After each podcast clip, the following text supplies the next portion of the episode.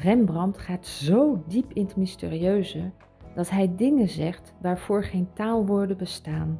Het is terecht dat men zegt van Rembrandt magicien. Dat is geen makkelijk beroep. Dit schreef Vincent van Gogh in een brief aan zijn broer Theo.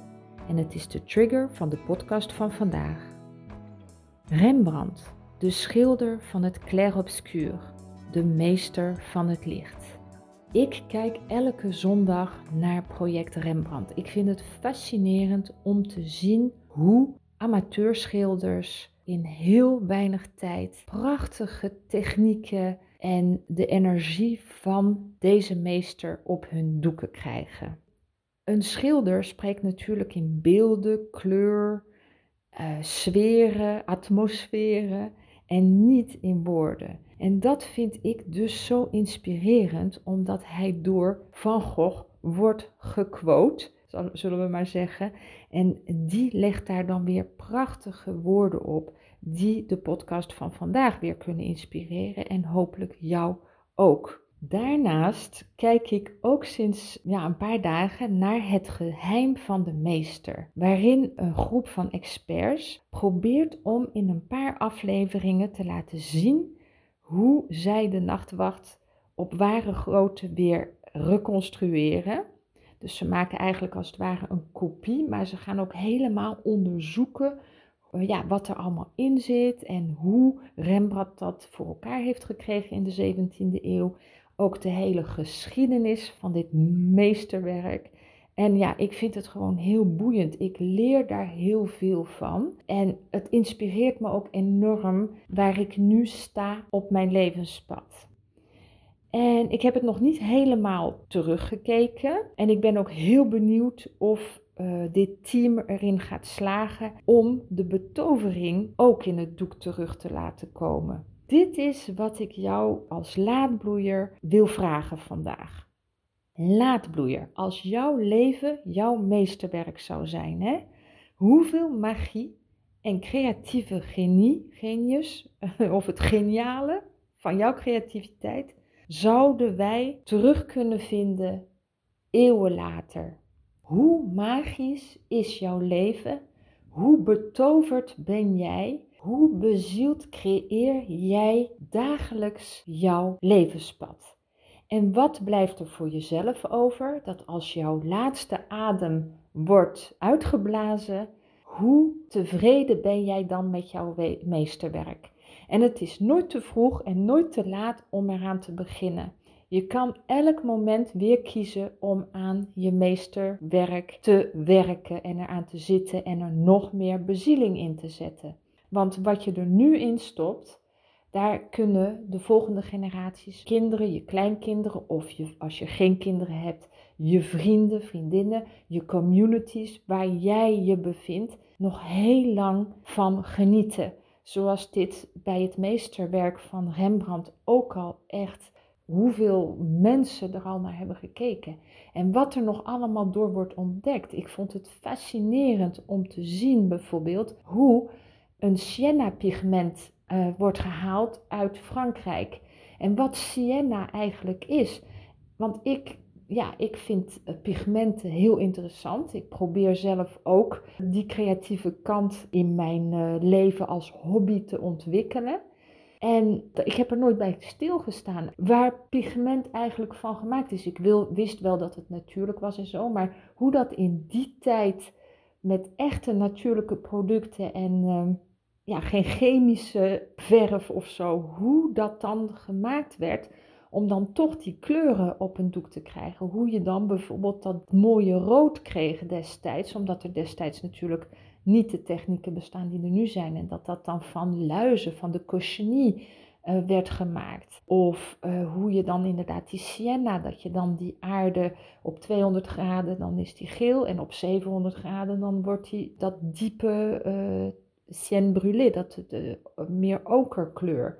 Ja, ik vind dat wel heel erg fascinerend. En we kunnen ook zelf die magier van ons eigen leven zijn. Onze eigen natuurlijke kleuren vinden door het brandhalen en de, onze eigen alchemie creëren. er is een heel pad van magie in ons. En dan niet het magie van het kindje die uh, betovering van buiten ziet en dus in droomland woont. Nee, echt de meester worden van onze eigen clair obscur. Want in, in, Nederland zegt iedereen, ja, hij is de meester van het licht. Maar in het Frans zeggen ze, c'est le maître du clair obscur. Dat wil zeggen van het lichte en het obscure, het donkere. Dus er wordt wel rekening gehouden met de schaduw. En trouwens, als je kijkt op de schilderijen van Rembrandt, waardoor hij dus de meester wordt van het licht, is omdat hij met het donker werkt eigenlijk om het aan te brengen.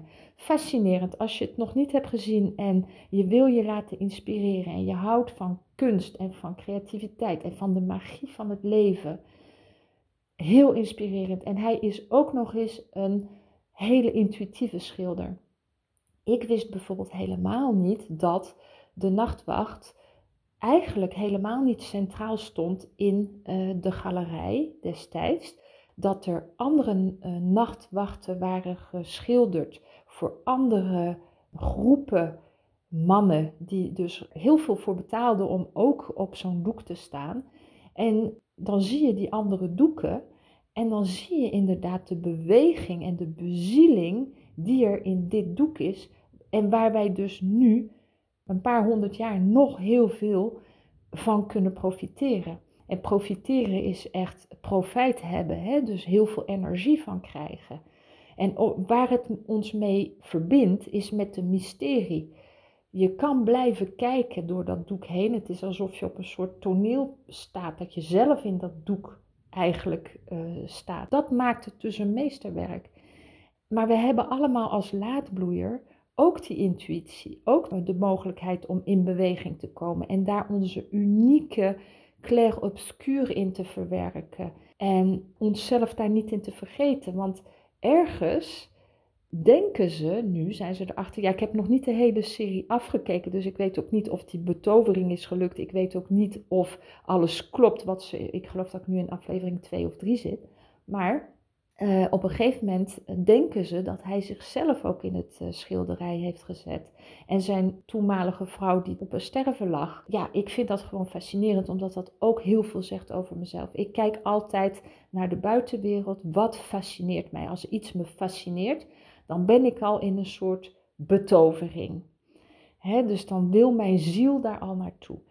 En dan denk ik van hoe inspirerend is dit voor ons laadbloeiers? Want ons leven is een meesterwerk. Ik wil in ieder geval dat als ik uh, straks op mijn doodbed lig en als ik bewust ben van die overgang, dat ik terugkijk en dat ik denk van wauw, ja, ik ben echt zo tevreden met mijn werk in dit leven, mijn meesterwerk, wat ik er de betovering, de creativiteit die ik erin heb kunnen zetten. En dat is echt wat mij zo motiveert om andere vrouwen, net zoals ik, te inspireren om dat stukje op te gaan zoeken. Want ik zou het zo zonde vinden als uh, jij als laadbloeier denkt van, nou ja, hè, ik, uh, ja, ik zet niet te veel bezieling erin en ik laat me gewoon leven door het leven. En dat je niet stilstaat bij de magie van je leven en de betovering die jij in je leven kunt zetten. En dat je daarna achteruit kijkt en spijt hebt. Want zoals Bronnie Ware zegt in haar boek uh, The Five Regrets of the Dying. Er zijn vijf grote spijten die de mensen hadden op hun doodsbed op het moment dat ze aan het overlijden waren. Zij uh, zat in de palliatieve zorg en dat waren vijf hoofdspijten natuurlijk, het is misschien niet zo fijn op zondag zo om over de dood te hebben. Maar op een gegeven moment zullen we er toch naar ja, moeten kijken of het nou het laatste moment is of niet. En die dood bespreekbaar maken als laadbloeier is ook belangrijk. Want als je daar op een gegeven moment toch durft naar te kijken, dan kom je ook je clair obscuur tegen. Dan kun je ook uh, die, die weg naar het licht doen in jezelf, de meester worden van je eigen licht. En dat dat ook echt dient, dat het ook echt de wereld dient. En ook al heb je nog één dag te leven, kan je dat nog doen. En uh, nou, dat was mijn boodschap op deze zondag. En uh,